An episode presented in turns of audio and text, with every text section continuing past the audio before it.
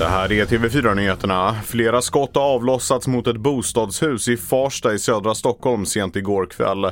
Polisen larmades till platsen vid halv tolv efter att en privatperson hört höga smällar i ett bostadsområde. En förundersökning om försök till mord har inletts men ännu har ingen person gripits och ingen ska heller ha blivit skadad. Bemanningen inom vården kommer att förvärras av de nya reglerna för dygnsvila. Det visar en kartläggning som TV4-nyheterna har gjort bland regionerna. Ändrade scheman gör att vårdpersonalen nu överväger att sluta. En av dem är Oskar Wylf i Jönköping. Jag kommer inte kunna vara hemma lika mycket med min familj. Det kommer påverka personalgruppen och det kommer påverka eh, patientsäkerheten.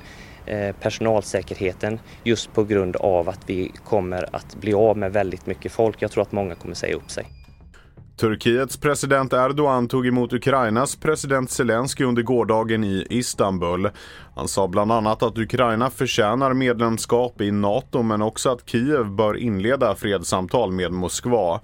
Samtidigt meddelade Erdogan att Rysslands president Putin ska besöka Turkiet i augusti.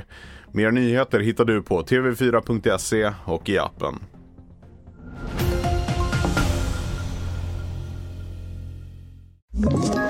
Ett poddtips från Podplay. I fallen jag aldrig glömmer djupdyker Hasse Aro i arbetet bakom några av Sveriges mest uppseendeväckande brottsutredningar.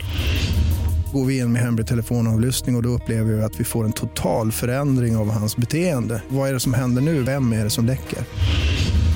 Och så säger han att jag är kriminell, jag har varit kriminell i hela mitt liv men att mörda ett barn, där går min gräns. Nya säsongen av Fallen jag aldrig glömmer på Podplay.